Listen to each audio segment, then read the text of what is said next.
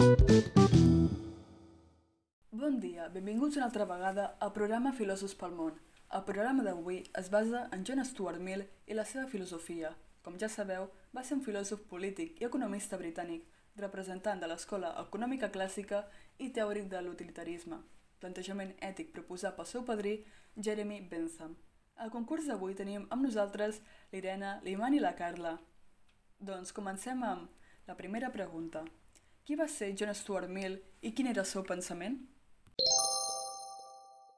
Mill va ser un dels filòsofs britànics més destacats del segle XIX. El seu pensament es centrava en defensar la llibertat individual i la llibertat d'expressió, uns principis econòmics i polítics liberals i una ètica basada en la idea central de l'utilitarisme.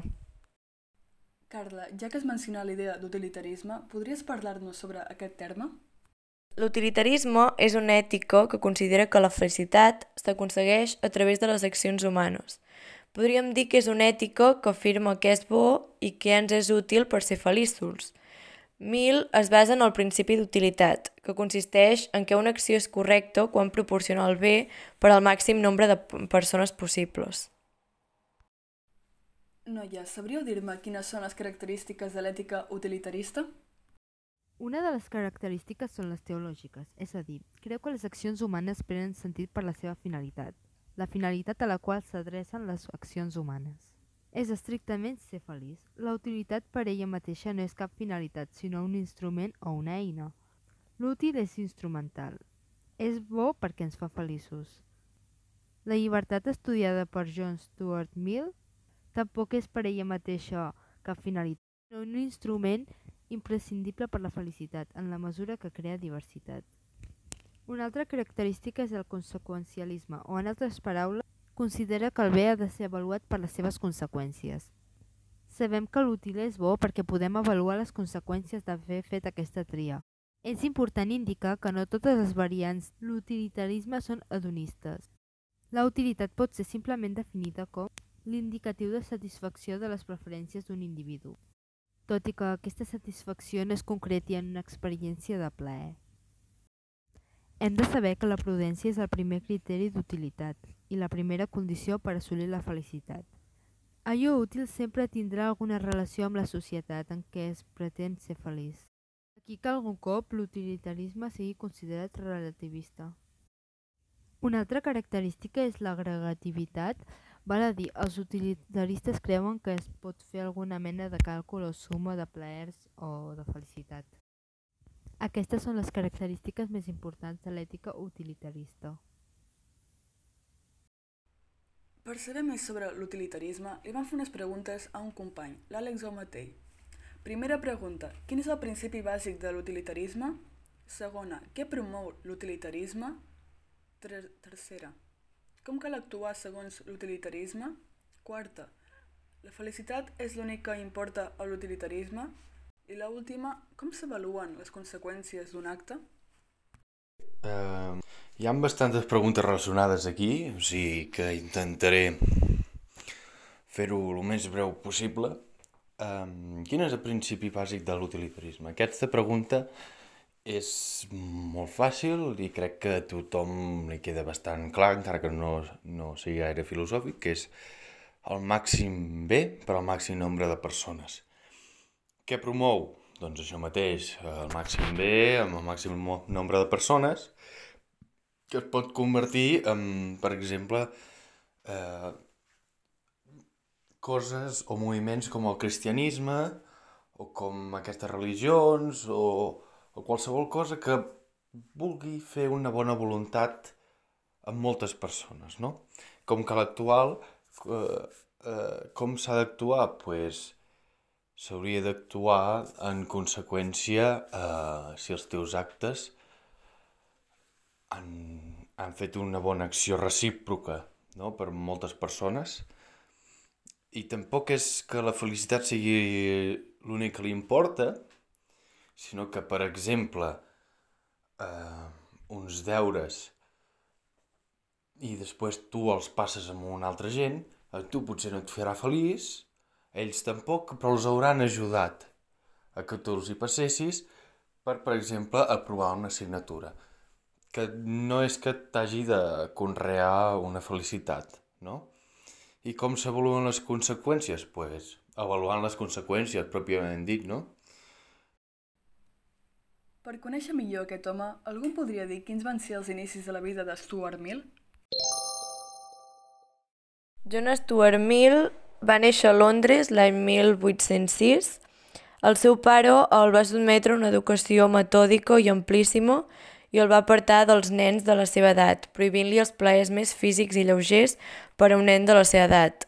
Um, això ho va fer perquè volia evitar els mals hàbits que li poguessin aparèixer i perquè um, tingués molt de coneixement de molts àmbits. Què li va passar quan tenia 20 anys? John Stuart Mill, quan tenia 20 anys, va patir una crisi nerviosa. En un conegut passatge de la seva autobiografia, fa un relat d'aquest succés explicant com es sentia i què li va passar. En quin context històric va viure Mill? El context històric en el qual va viure Mill va ser la Revolució Industrial, que és un període de transformacions econòmiques, tecnològiques i socials que es va iniciar a mitjans del segle XVIII. Aquest període històric es va caracteritzar per l'ús de les noves tecnologies aplicades a la producció en massa, també anomenada producció en sèrie. La primera invenció que va permetre aquesta nova forma de producció va ser la màquina de vapor. El combustible era carbó mineral. L'inici de la revolució industrial va ser a Anglaterra, que presentava les condicions econòmiques, polítiques i socials i tecnològiques necessàries per a aquest gran canvi. La principal conseqüència de la primera revolució industrial va ser la implantació del capitalisme. D'altra banda, el taller artesanal va ser substituït per la fàbrica. A més, també va produir un augment de la producció que va impulsar les exportacions i el comerç. Per donar una mica de context històric d'aquell moment, hem fet unes preguntes a un professor de disseny.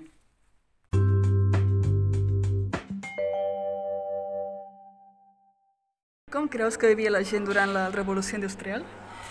Doncs eh, penso que just abans de la revolució industrial fins a arribar-hi, eh, la vida de la gent en general era pràcticament molt similar a l'edat mitjana, és a dir, un funcionament força gremial, artesanal, eh, d'oficis, eh, sense grans comoditats, etc etc. Però que un cop arribat a la, a la, a la revolució industrial, eh, el, produir-se el treball en sèrie, eh, s'estableixen eh, de forma molt més estricta jornades laborals pautades, eh, nous edificis com són les fàbriques, eh, feina en la qual ja no participes de tot el procés, sinó d'una forma molt més repetitiva en un sol procés. Val. I com creus que va influenciar la revolució industrial als seus pensaments?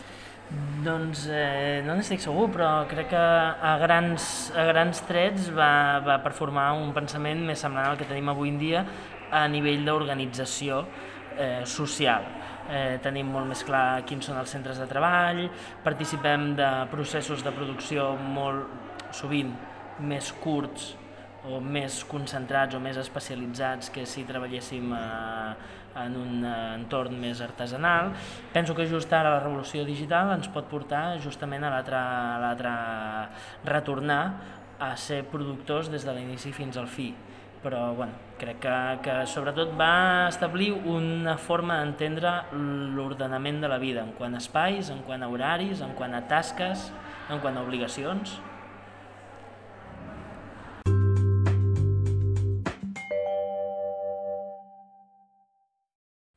Què opinava Mill de la revolució industrial? Doncs els principis d'economia política de Mill argumenten en contra del creixement il·limitat que permet la revolució industrial i per l'inevitable impacte que aquest té en el deteriorament de la natura. Mill va ser un dels primers mediambientalistes i un dels primers lluitadors per les igualtats de drets. Qui va influir molt en el pensament de Mill? Harriet Taylor va influir molt en els pensaments de Mill. A 25 anys, l'any 1830, Mill va conèixer Harriet Taylor, que aleshores en tenia 23. Ella estava casada amb John Taylor, un dels seus amics personals, i era mare de dos fills. Tant John Stuart Mill com Harriet i el seu espòs formaven part del grup dels anomenats radical utilitaristes i eren membres de l'Església Unitària. S'hi va casar 20 anys més tard, el 1851, quan ella va ser viuda, però van protagonitzar, dins una extrema reserva personal, un dels trios més curiosos del període victorià. Mill i Harriet van poder gaudir relativament poc de la seva unió. Al cap de set anys, Harriet va morir a Avinyó.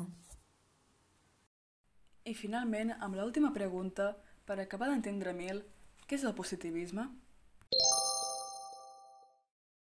El positivisme és el sistema de filosofia basat en l'experiència i en el coneixement empíric dels fenòmens naturals. En virtut d'això, el positivisme considera la metafísica i la teologia com a sistemes de coneixement imperfectes i inadequats. El terme positivisme va ser utilitzat per primera vegada pel filòsof francès Auguste Comte, autor de l'obra que va inaugurar aquest corrent de pensament, anomenada Curs de Filosofia Positiva.